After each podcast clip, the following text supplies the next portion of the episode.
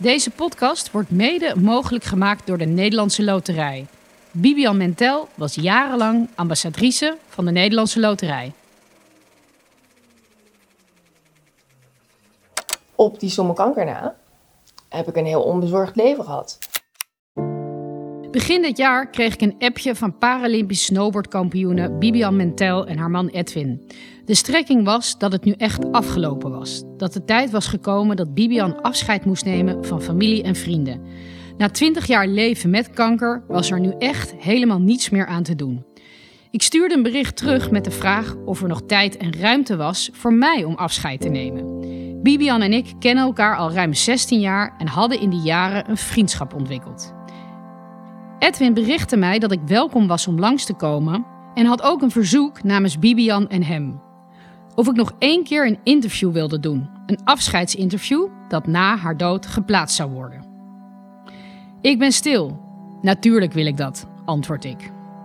Ik besluit het bijna drie uur durende gesprek op te nemen en in overleg met de familie maken we hier de podcast Bibians laatste woord van. In deze podcast reageren haar man Edwin, zoon Julian en moeder Maud op de woorden van Bibian en vertellen ze hoe het met hen gaat en hoe ze Bibian en haar gedachtegoed meenemen in het verdriet dat ze hebben en hoe ze de kracht vinden om door te leven. Iets dat Bibian zo graag wilde. Mijn naam is Barbara Barend. Bibian heeft mij en zoveel geïnspireerd door niet te kijken naar wat niet kan, maar wel te kijken naar wat wel kan. En om vrede te hebben met hoe het leven loopt. Dit is Helden de podcast met Bibians laatste woord. Ik weet nog goed als de dag van gisteren. Het bericht wat ik van je kreeg. Je had de hoop dat het goed zou komen. Tot het ongeneesbaar bleek. Wat moet je dan? Wat zeg je dan? Als het leven met de dood niet meer rijmen kan. Dan moet ik denken aan jouw woorden. Verzamel herinneringen, geen bezittingen. Geniet van kleine dingen zolang het kan. Iedere keer van bovenaan de top naar beneden. Je leeft een metafoor van het leven zoals geen ander. Dus deze is voor jou, lieve Bibian. Een vrouw die de kunst verstaat dat het proces belangrijker is dan winnen. En jij je tot de beste versie van jezelf hebt ontwikkeld. En zo voor altijd zal worden herinnerd. Is af. Op 29 maart van dit jaar kwam op 48-jarige leeftijd een einde aan het bewogen en indrukwekkende leven van Bibian Mentel. Tot en na haar dood inspireert en inspireerde ze ons om te kijken naar wat wel kan en positief te blijven na tegenslag. In ons hart voor altijd. Het verhaal met Bibian is opgetekend in Helden Magazine. In het verhaal heeft ze boodschappen voor haar naasten. Vandaag, acht maanden later, ben ik opnieuw bij haar thuis in Loosdrecht en laat ik de boodschappen van Bibian horen aan haar echtgenoot Edwin, haar moeder Maud en zoon Julian. Ik spreek eerst Bibians 18-jarige zoon Julian, die een leven lang een moeder met kanker heeft gehad. Julian, jij zit tegenover me. Eh, allereerst, hoe gaat het met je? Eh, ja, het gaat wel eh, naar de omstandigheden gezien goed. Ehm, ja, ik ga binnenkort eh, op reis, dus daar heb ik heel veel zin in. Daar kijk ik heel erg naar uit. En eh, ja, het leven gaat gewoon weer door. En je gaat op reis, je gaat snowboarden, hè? Ja, ja ik ga even een eh, winterseizoen mijn hoofd leegmaken en eh, lekker mijn passie volgen en snowboarden. Ja, ik denk dat je moeder daar heel trots op zou zijn geweest, toch? Dat je dat doet. Ja, die was daar altijd groot voorstander van. En eh, die had het geweldig gevonden en die wist er ook al van tevoren van. Dus dat is heel fijn. Ja, want je hebt vorig jaar, toen je moeder overleed, je school afgerond. Maar zij was een groot voorstander van even een, een gap year, zoals we dat noemen. Dat je lekker even doet waar je zin in hebt. Ja, ja ze, ze was altijd van, eh, doe vooral wat je leuk vindt. Eh, je kan eh, heel je leven nog werken, dus eh, volg vooral je dromen. Ben je er klaar voor? Ja, zeker. Nou, ik heb een aantal vragen natuurlijk ook over jou gesteld. En eh, laten we luisteren naar het eerste fragment. Dat is het leuke met Jules ook. Eh, weet je, net 18 geworden, maar hij is nog nat achter, achter zijn oren, laten we eerlijk zijn, Ja. weet je. Eh, maar ik heb hem wel in, eh, met name de afgelopen drie, vier jaar, heb ik hem zo zien groeien als mens. En het fijne is dat ik daardoor ook weet je, ik heb bij hem ook het gevoel van, kom wel goed. En uh, tuurlijk had ik er veel langer willen blijven zijn voor hem. En, en ehm, ik geloof wel dat het een jongen is die, die ja, het best wel redelijk op orde heeft. En veel gezien al heeft. Um, van jongs af aan natuurlijk al. Ja, ja, mooi. En altijd fijn om te horen. Vind je het moeilijk om de stem te horen? Um, ja, wel een beetje. Maar het is ook wel weer fijn. Lijkt het alsof ze er een soort van nog is. Verder luisteren, ja. want ze zegt, ze is, ze is heel trots op je. Ondanks dat je het ook gewoon eigenlijk altijd wel moeilijk hebt gehad. Het is uh, bijzonder hoe je eigenlijk groot bent geworden. Uh, het, het, was gewoon deel, het onderdeel van het leven. En um, hij weet ook niet beter. Ik bedoel, ja, toen, ik toen hij geboren was, was het al zo. En daardoor heeft hij uh, over, over de jaren heen um, ja, daar ook ergens weer aan kunnen wennen of zo. Ja, um, nou, het was natuurlijk ook altijd wel zwaar. En nou, zeker vroeger dacht ik, wist ik wel dat mama ziek was, maar dacht ik van ja, dit is een soort van meer een tijdige blessure en die komt er altijd wel weer bovenop. Pas later ben ik gaan beseffen dat dat niet altijd zo het geval is. En ja, dat was zeker op het begin wel lastig. Maar um, ik denk dat door veel te over praten met mama en verschillende mensen, ja, wel gewoon realiseerde, maar wel gewoon door kon gaan. En nog steeds leuke dingen blijven doen. Want ja, het is veel te zonde om zo lang verdrietig te blijven zijn en daar blij, stil te blijven staan. Dus ja, tuurlijk is het lastig en heb je niet altijd uh, ja, een rustige jeugd gehad wat dat betreft. Maar ik heb een hele fijne jeugd gehad, want ik heb super veel liefde van mama gekregen en van alles en iedereen. Dus ja, daar ben ik heel dankbaar voor. En je had je vaak de angst van, oeh, misschien is er er morgen niet meer? Um, nou, dat is wel iets wat in ieder geval constant bij mij wel in mijn gedachten zat. Want ja, je weet zeker later dat het wel echt ja, zomaar de laatste kan zijn.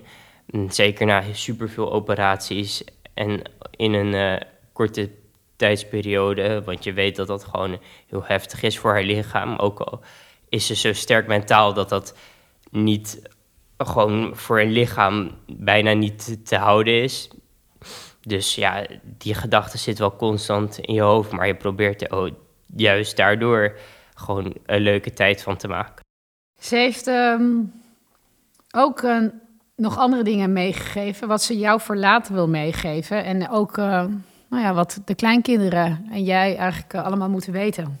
Dat ik hem mee zou willen geven dat ik ook altijd eigenlijk volop van het leven genoten heb. En, en ondanks het feit dat het misschien te kort was, ik wel van elk moment heb genoten. En, en ehm, gewoon echt, ik heb echt geleefd. Ik bedoel, ik, ja, er zijn geen dingen die ik uh, ontzettend gemist heb, zeg maar. Dat ik denk, oh, dat heb ik een spijt dat ik dit en dit niet heb gedaan. Nee, ik, ik heb alles gedaan wat ik zou willen. Ik zag dat ook altijd wel aan mama door gewoon hoe blij ze vaak was en de grote glimlach die ze had. En ja, dat zal ik ook altijd blijven meenemen. Van blijf leuke dingen doen, blijf genieten van het leven.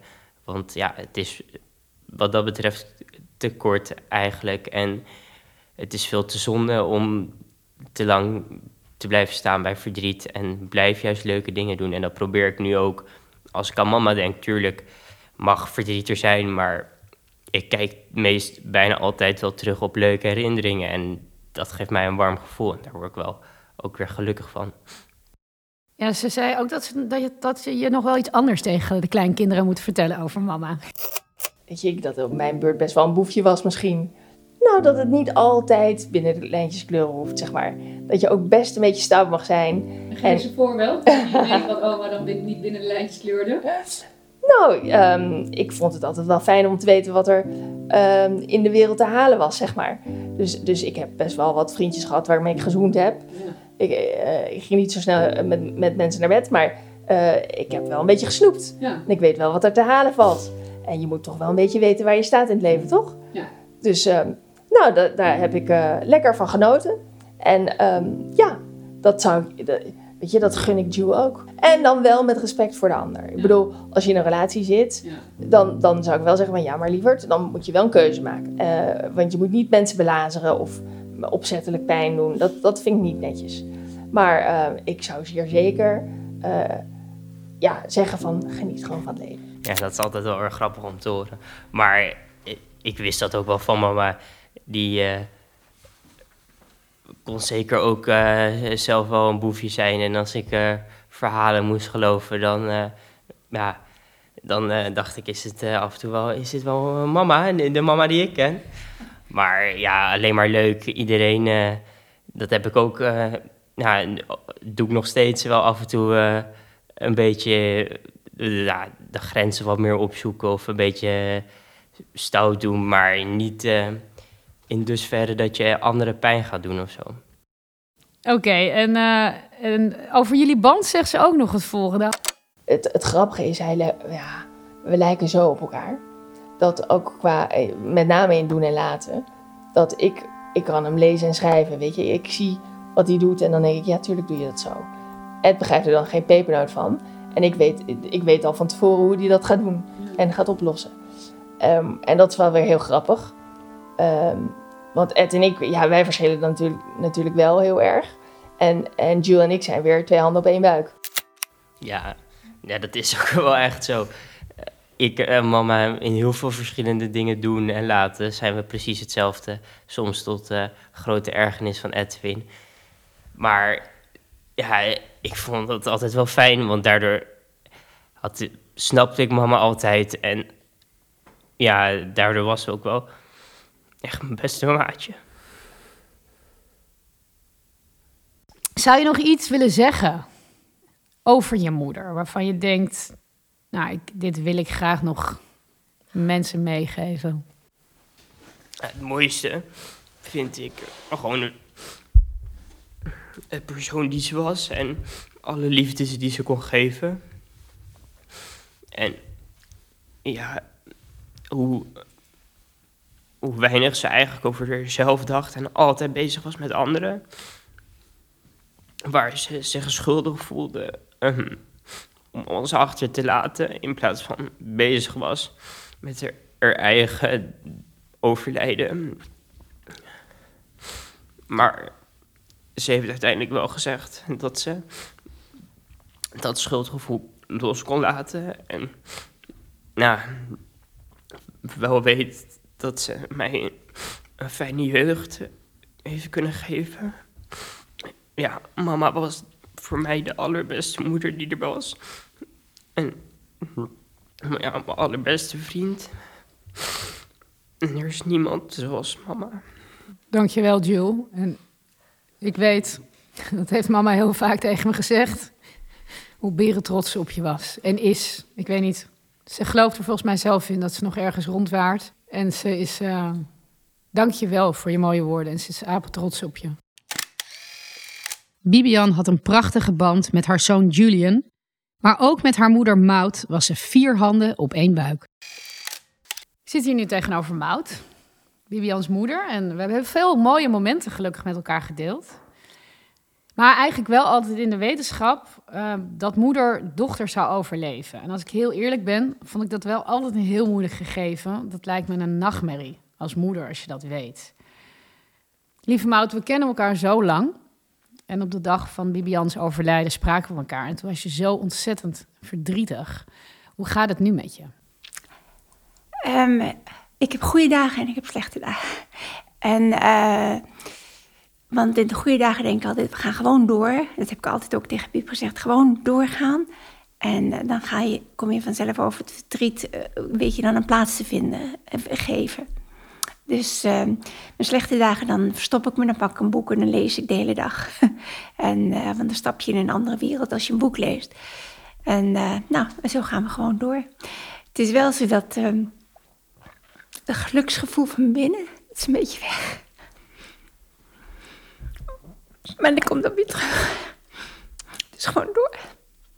En altijd gewoon door. Zo, klaar. Nou is het over. Zo, ja.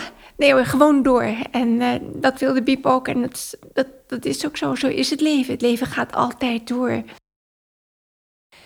En ben je er klaar voor om de stem van Biep te horen? Nou, ze heeft me een keer een teken gegeven, maar ik ga het niet over uitweiden. Maar toen hoorde ik haar stem voor de eerste keer nadat ze was overleden. En daar schrok ik enorm van. Maar uh, nee, ik ben er klaar voor, ja. Ze wil dit heel graag tegen je zeggen. Ik ben benieuwd. Oké. Ik hou van je en je bent de allerliefste en leukste uh, mama in de hele wereld. En dank je wel voor alles wat je me geleerd hebt. En, en um, uh, ja, ja, de, voor mij de meest bijzondere en lieve mama die er maar had kunnen zijn. Nou, mijn kindje.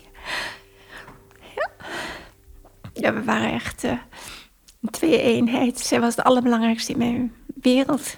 Van het moment dat ze geboren was. Was niet helemaal eerlijk tegenover haar vader. Want uh, zij was zoveel meer belangrijk. Maar uh, ja, ze was een cadeautje. En is altijd gebleven. En ze is gewoon geworden wat ik heel graag wilde. Iemand die weerbaar was in het leven en die het leven aankon, maar ook kon geven en andere mensen blij kon maken. En dat is zo helemaal de voeten uit geworden. Dat, ja, dat geeft me een heel gevoel van het is goed gegaan. Het is helemaal goed gegaan. Geen strijd, geen, geen, geen akelige dingen. Gewoon, het is gewoon een, volwaardig mens geworden. Een mooi volwaardig mens. Ze is helaas niet oud geworden. Niet zo oud geworden zoals jij. Wat ze zo ontzettend gehoopt had. Het was natuurlijk je droom om een oud vrouwtje te worden. Je Met mijn kleintjes op schoot, ja. ja. Als je nu je kleinkind op schoot zou hebben, wat zou je tegen je kleinkind zeggen? Um, nou, ik zou, ik zou met name overspoelen met liefde. En um, ja, uh, eigenlijk gewoon, um, ja, wat zou ik? Eigenlijk een, vertellen over het leven en, en hoe het kan lopen en achtergrond van familie. Dat zou ik hem mee willen geven. Dat hij een beetje idee heeft waar hij vandaan komt, hij of zij. Um, maar verder zal toch iedereen het zelf moeten doen. En, en um, het enige wat ik kan doen, en dat, dat heb ik bij Jules gedaan, en dat, dat hoop ik ook voor mijn kleinkind, is dat je. Uh, als het, als het er uiteindelijk op neerkomt wat iemand nodig heeft, dan is het volgens mij gewoon liefde. Ja, ja zo was Biepje. Ja, gewoon geef liefde. En, en, en ik geloof als de hele wereld dat zou doen, alleen maar de mensen om je heen waar je van houdt, geef die liefde en zorg voor ze. Dan, als de hele wereld dat doet, dan hoeven we niet in Verwegistan iemand te gaan helpen. Dan moeten we gewoon een kleine kring om ons heen. En dan, ja, dat is het meeste wat je ook kan doen. En hoe moeilijk was het voor jou om al die tijd te leven met een, uh, met een dochter die ziek was, die onzekerheid? Ja, nou, dat was in het begin hel. Echt vreselijk. De allereerste keer, uh, zij was net verliefd en daardoor was zij op een wolkje. Maar toen ik hoorde dat ze een gezwel had, uh, groeisel had, toen dacht ik meteen kanker. En het duurde tien weken voordat ze wisten wat voor soort kanker. Want ze had een heel zeldzame soort. Nou, verschrikt. Tien weken lang om te weten of het kanker is of niet kanker is en wat voor soort het is. Dat, uh, ik heb toen geschropt en geboend, de boot geschuurd om, uh, om uh, die spanning maar kwijt te raken. Maar het is wel zo dat twintig jaar lang, langzaam bereid je je dan steeds meer een klein beetje voor mout, realiseer je ze zal er misschien op een gegeven moment niet meer zijn. Ik weet wel, in het begin zei ik tegen schat, als jij gaat, gaan we gewoon samen hand in hand. Weet je wel? En uh, ik zei, ik ga gewoon met je mee. We gaan samen. Want dat hoort, moeder hoort in ieder geval voor. Maar als het niet anders kan, dan samen. En, uh, maar ja, langzaam maar zeker zei zij, nee, jij moet blijven voor Jules. En jij moet blijven, weet je wat, voor Rolf. En je moet blijven voor Jules. Dus... Uh, en uh, naarmate het duidelijker werd dat zij eerder ging dan ik, want die dacht, ik ben tegen die tijd wel ouder. En dan ga ik vanzelf wel. Ja, uh, ja was, niet, was helemaal niet leuk. Maar het heeft me ook heel veel, heel veel jaren de kans gegeven om haar te zien ontwikkelen. En haar te zien leven met het feit dat ze voor mij zou gaan. En eh, dat ze dus alles deed wat ze kon doen. En eh, van haar heb ik ook geleerd nu leven en niet over iets plannen voor over een paar jaar. Nee, nu. En uh, ja, die manier. Um, ik heb haar gevraagd als het nou andersom had gekund. Oh, graag. En als ze had mogen speechen op jouw begrafenis. Oh. Wat zou ze dan tegen je zeggen? Dan zou ik tegen haar willen zeggen... Nou, dat ze een prachtig mooi leven heeft gehad. Um, en dat ik hoop dat ze... Kijk, ze is, op, ze is geboren in Jappenkamp. Ja, en, gestart. Ja, absoluut. En daar heeft ze tot op de dag van vandaag... Ondanks het feit dat ze dat een beetje uh, wegwuift... heeft ze daar nog altijd wel last van. En ik hoop zo voor haar dat ze... Ja, dat ze daarmee... Dat ze daar rust voor krijgt of zo. Maar hoe, hoe vreselijk moet het zijn voor, je moeder, voor, voor een, een moeder die haar dochter verliest Um, en en um, ja, weet je, ze zou zo liever mijn plaats innemen. Uh, en, en zeggen van, oh, ik wil gaan, laat mij gaan. Weet je, maar ik zeg liever, dat gaat helaas niet. En het is oké, het is oké zo. En, en we wisten allemaal dat het eraan zat te komen. En uh, weet je, ik, ik, ik wil niet, natuurlijk, weet je, liefst zou ik niet doodgaan. Maar um, dat gaat een keer gebeuren, maar dat gaan we allemaal. Zeg, en dan sta ik boven te wachten op je. Dus um, ja, ik gun het er zo. Ik gun het er zo dat ze dat verdriet kan loslaten, zeg maar. Nou, ik, ik uh, tuurlijk heb verdriet over wie, maar dat heb ik wel van de geleerd. Door, altijd door. En uh, het is wel zo dat ik uh, blij ben dat ik al oud ben. want daardoor duurt het niet meer zo lang dat ik ook mag gaan. Want ik ben niet bang, Biep en ik waren niet bang voor de dood. Want ik denk duidelijk dat er nog iets is. Leven is energie. En energie gaat niet verloren. Um, dat, dat het lichamelijke dat afsterft, oké. Maar de energie die Biep was, uh, wat je karakter, uh, energie, whatever je het wil noemen, dat gaat niet verloren. En ergens komt dat weer terug bij de source, bij de oorsprong. Dus ik denk dat we een klein stapje opzij nahaken, maar dat we uiteindelijk allemaal weer terugkomen bij de oorsprong. En als je vraagt wat is ons doel op aarde, zou ik willen zeggen: probeer, en dat heeft Wiep altijd gedaan, het beste uit jezelf te halen. Want als jij dan weer terugkomt bij eh, de source, dan wordt het collectief ook beter. Dus als iedereen dat doet, dan wordt het collectief beter. Nou ja, zo'n beetje. Maar ik geloof zeker dat je terugkomt bij het collectief. En dat Biep ook. En daardoor heeft ze me ook tekens gegeven nadat ze is overleden. Maar ik wil je toch ook nog wel iets zeggen, want ze heeft me dat echt een paar keer gezegd. Want jij zegt, ik moet door. Maar ze heeft ook echt gezegd dat je wel verdrietig mag zijn en dat ook mag voelen. Want ze heeft duidelijk gezegd, ze hoeft niet alleen maar door te gaan. Hè? Dat heeft ze wel ook als boodschap. Ik hoop dat mijn moeder rust krijgt en het verdriet voelt en daar daarna nou ja, los kan laten. Volgens mij was haar boodschap niet van je moet het parkeren en doorgaan. Nee, nee, maar ik parkeer het ook niet. Maar dat doe ik heel erg privé. Ja. Dat doe ik alleen maar als ik alleen ben. Anders dan, dan ga ik door. In, met anderen ga ik gewoon door. En als ik heel erg verdrietig ben, dan zet ik haar filmpje op. Of, een, of een, kijk ik naar een eerdere opname van haar. Dan ben ik verdrietig, maar dat doe ik alleen als ik alleen ben. Dus dat ziet ze dan niet. Dat heeft ze nooit gezien, want ik wil haar nooit belasten.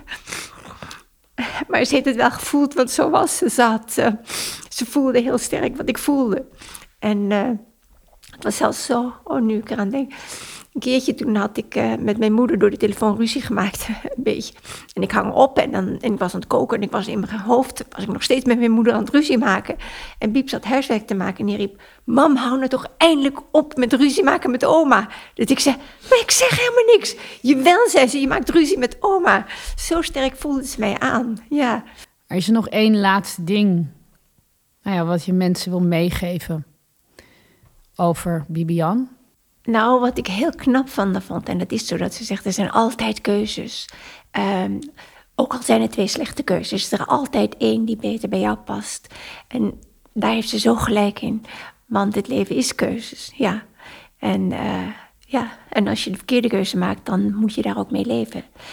En dus probeer die niet te maken. Probeer goed te kijken naar je keuzes en de juiste te maken. En dat vond ik heel knap van haar altijd, ja. Dank je wel. En nogmaals, we hebben het veel in het gesprek over je gehad. En ze is, eh, ik denk dat je dat ook weet, ze is heel trots op je. Haar steun en toeverlaat, zowel privé als in de Mentality Foundation en tijdens haar snowboardcarrière, was natuurlijk haar man Edwin. Zit nu tegenover jou, Edwin. Hoe gaat het nu met je? Ehm, ja, naar omstandigheden gaat het goed. Wat je zegt is, eh, ik zei inderdaad altijd, je zei het eerder in dit eh, interview, Bibian eh, was natuurlijk enorm positief en Jules is Bibian 2.0. Ik ben op zich ook wel positief geboren, maar ik heb in die 15 jaar daar wel van Piep nog heel veel bijgeleerd over dat verdriet er mag zijn, maar dat je wel door moet gaan en, en, en moet genieten van het leven. En ja, dat proberen we eigenlijk elke dag te herinneren. Waardoor we elke dag wel de leegte en het gemis er is. Maar we ook weer kunnen genieten van het leven samen met Jules. Uh, regelmatig bij Mout langs en vrienden.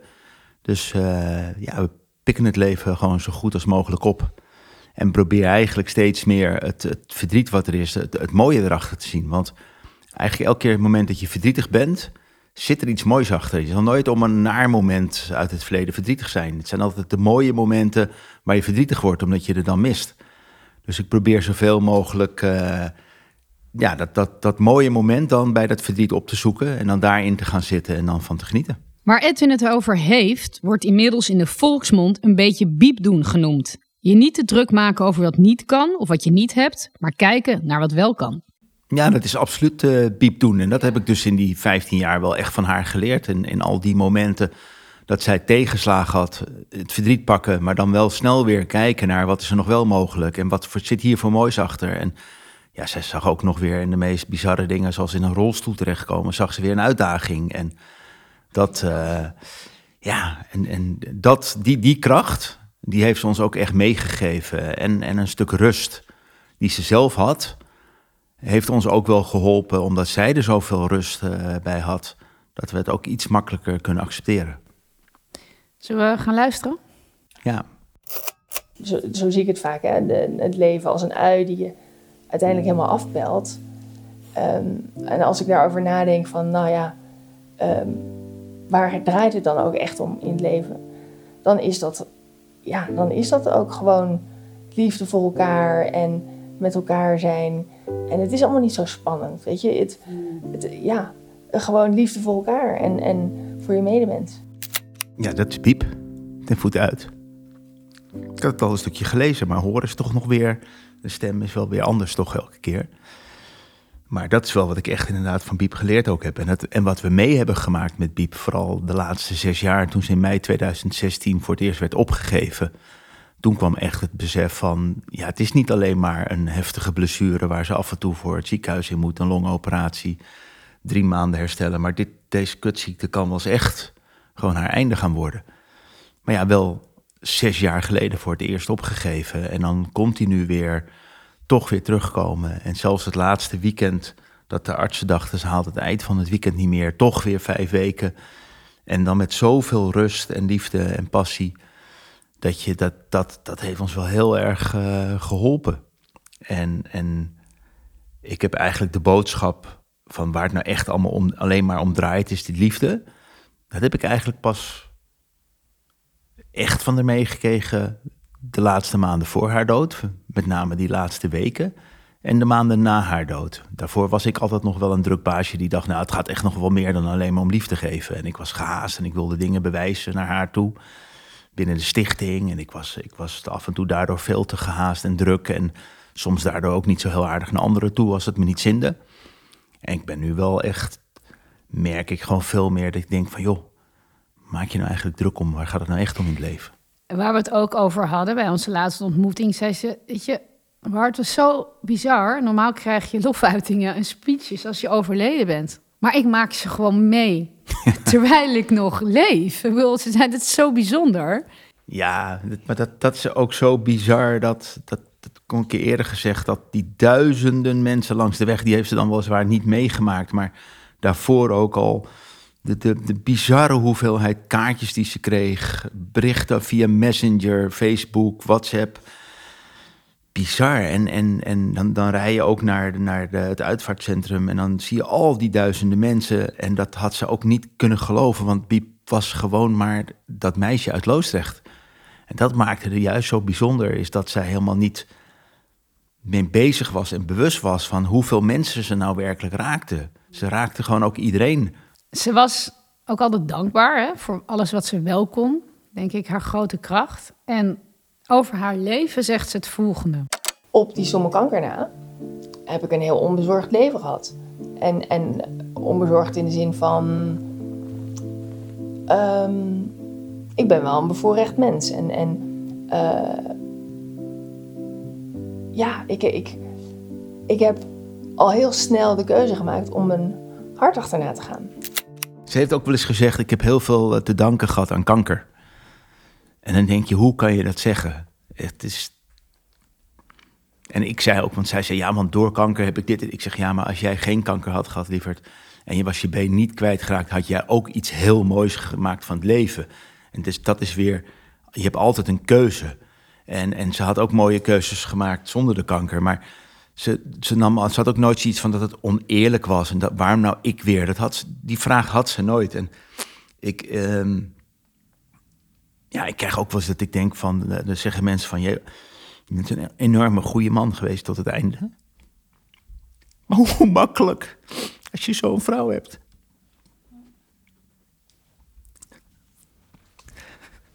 Het was ook wel heel makkelijk om er gek op te zijn. Dus ja, als je zo in het leven kan staan, dat je na zo'n leven, zeg je een onbezorgd leven had. En mooi. Dat was ze wel echt, inderdaad. Ze genoot echt, ondanks alles, echt. De laatste ochtend heeft ze nog liggen lachen op bed met vriendinnen. En ze is echt met een lach op haar gezicht uiteindelijk heen gegaan. En ze had het altijd over de herinneringen verzamelen. En wat is een herinnering die bij jou vaak bovenkomt als je aan haar denkt? Ja, heel bizar is dat ik heel veel aan de laatste vijf weken denk.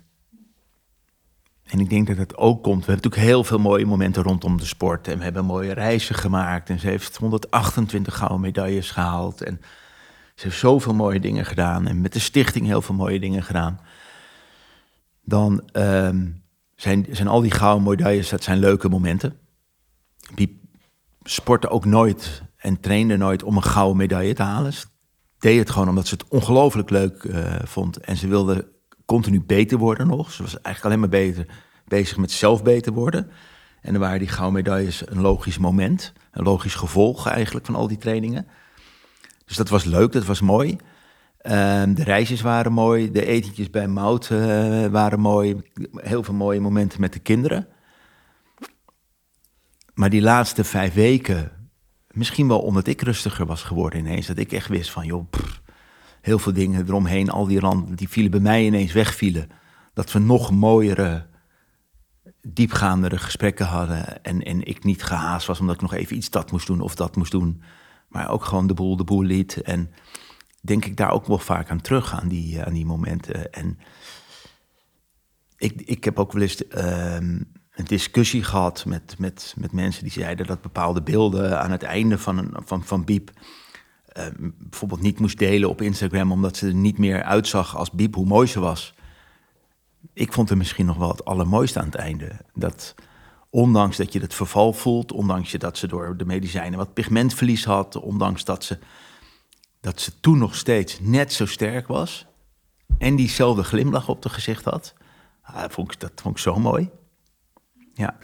Mooi kwetsbaar en open eerlijk of zo was het. Ja, kwetsbaar, eerlijk en open, maar, maar nog die, die, die, diezelfde kracht, die, die is nooit weggegaan. Die, dat, dat genieten en het plezier van, van kleine dingetjes, een knuffel van, van, of van Jules die morgens in zijn onderbroek binnenkomt.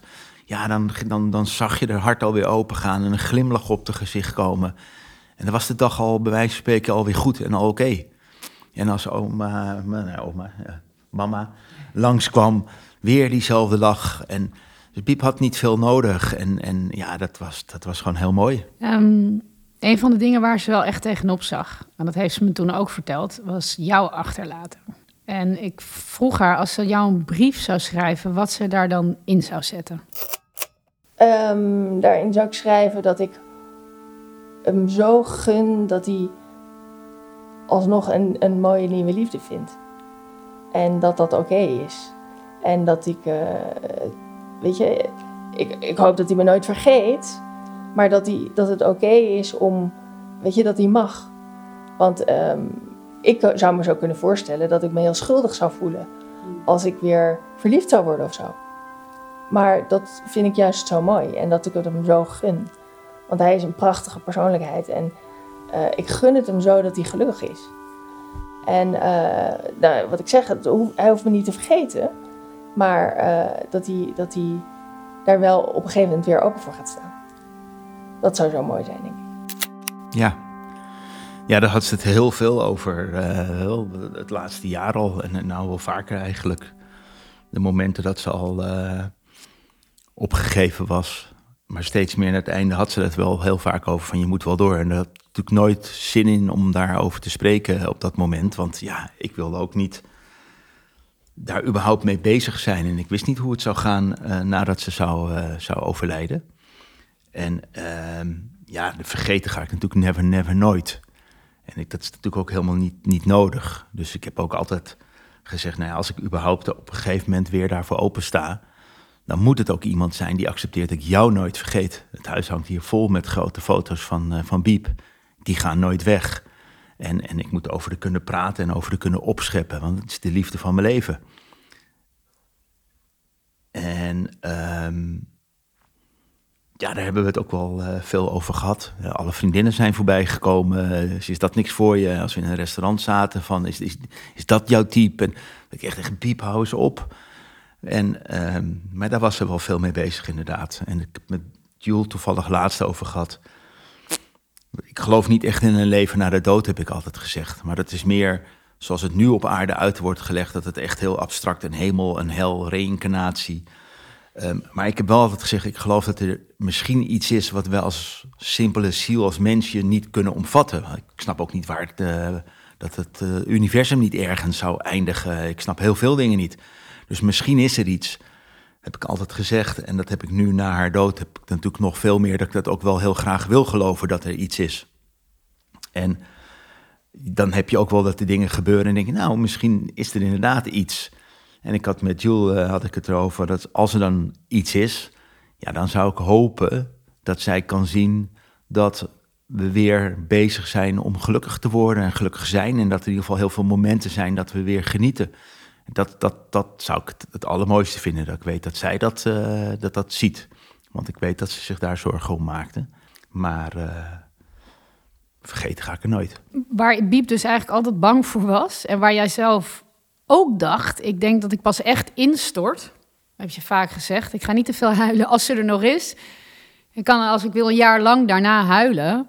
Um, ja, eigenlijk lijkt het wel als ik bij jullie allemaal zie, maar ook bij jou. Of, of ook ja, dat stuk van Biep. Ja, of zie je daar eigenlijk bijna weer ook in stuurt naar hoe het nu met je gaat. Want je hebt een, een, een dame ontmoet. Ja. Ja, nee, dat, dat, dat ik zei eigenlijk altijd, want in het ziekenhuis kwamen ze ook wel eens naar mij toe van, uh, joh, moet je geen hulp hebben, want je moet ook niet uh, instorten. En had ik altijd zoiets van, ja, joh, ik ga niet nu instorten, want Biep is nog, ik moet er voor Biep zijn en ik wil nog genieten. Dus dat komt daarna wel. Maar uh, wat Mout ook al zei, we hebben wel in al die jaren lang, zijn we ook ergens naartoe gaan leven. Het is, ik denk wel heel anders dan dat, dat je partner van de een op de andere dag uit het leven wordt gegrepen. Uh, we hebben van de week een gesprek gehad met Isa Hoes, waar haar man natuurlijk uh, zelfmoord pleegde. Dan heb je eerst nog een heel ander verwerkingsproces. Um, dus toen ik vlak na de reis, of vlak na Biep haar overlijden, met Jules samen naar Ibiza ging, hebben we het op Ibiza ook wel eens over gehad, van dat het verdriet um, wel anders is dan ik me van tevoren had kunnen voorstellen, of misschien juist niet kon voorstellen.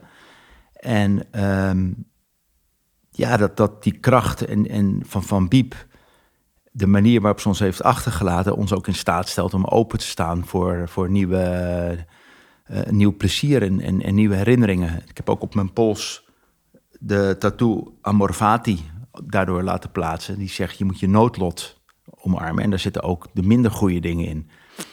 En dan ben ik inderdaad uh, iemand tegengekomen waar ik het heel gezellig heb, heel leuk mee heb. En uh, waar ik het eigenlijk tot mijn eigen verrassing uh, ja, heel plezierig mee heb. En, en, en, en waar ik inderdaad gevoelens voor heb die ik me nog niet had kunnen voorstellen als je me dat een, een half jaar geleden had gevraagd. Dan had ik gezegd, nee, dat, dat gaat niet, dat kan niet, dat snap ik niet. Maar het blijkt dus heel goed naast elkaar te kunnen. Want het verdriet is niet minder, het gemis is niet, is niet minder. Alleen je weet ook, eh, ik heb ook wel eens tegen haar gezegd van ja, als Piep ineens morgen weer voor de deur staat, dan heb ik wel een probleem. Want ja, dan staat wel de liefde voor mijn leven weer voor de, voor de deur. En dan zegt ze, ja, maar dat snap ik ook. Alleen rationeel weet je ook dat dat nooit gaat gebeuren. En wat wel heel belangrijk is, is dat ik ook gezegd heb van ik moet wel Piep altijd bij me kunnen hebben. En, en, en het over haar kunnen hebben en trots op haar kunnen zijn. En, en het over haar kunnen hebben en verdriet over uh, om haar kunnen hebben. Als dat, als dat kan, ja, dan kan je dus blijkbaar ook weer plezier hebben met een, met een andere persoon. En, en wel ook dus weer, denk ik, verliefd worden. En, en een nieuwe relatie opbouwen. En wat Biep ook zegt in het fragment, is dat had ik na de eerste keer dat ik met haar uit eten was geweest stond ik hier in de huiskamer uh, te huilen. En toen kwam Jules aanlopen en die zei, wat is er? En toen zei ik ook, ik voel me schuldig.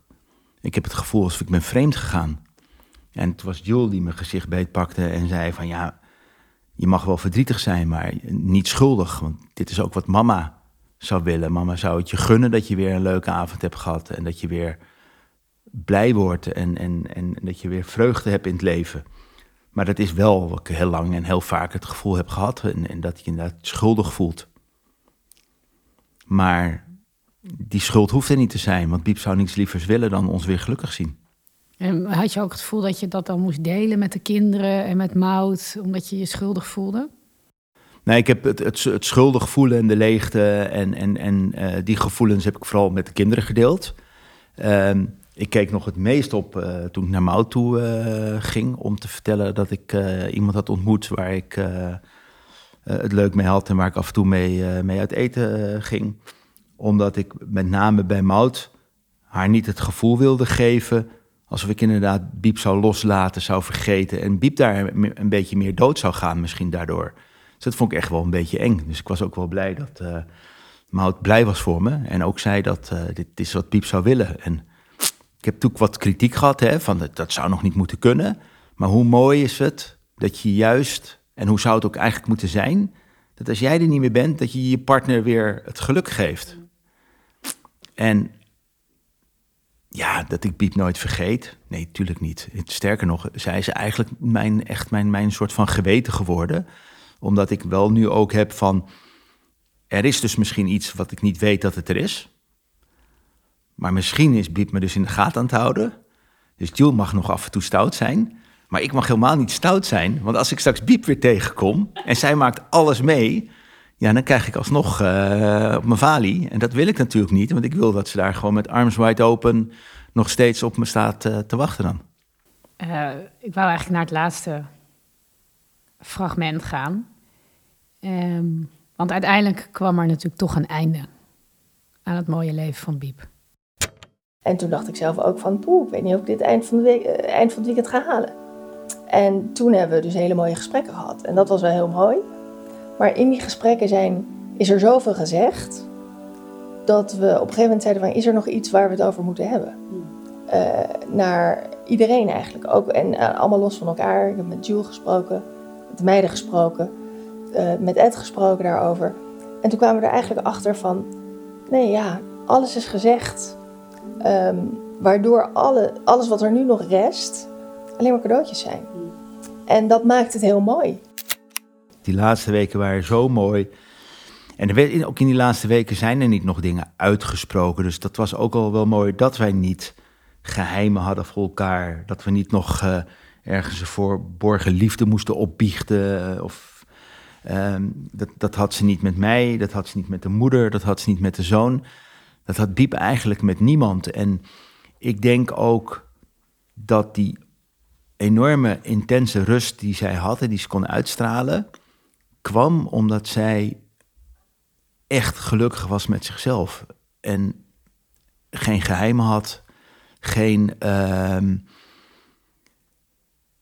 ja, geen, geen, geen spijt had van het leven.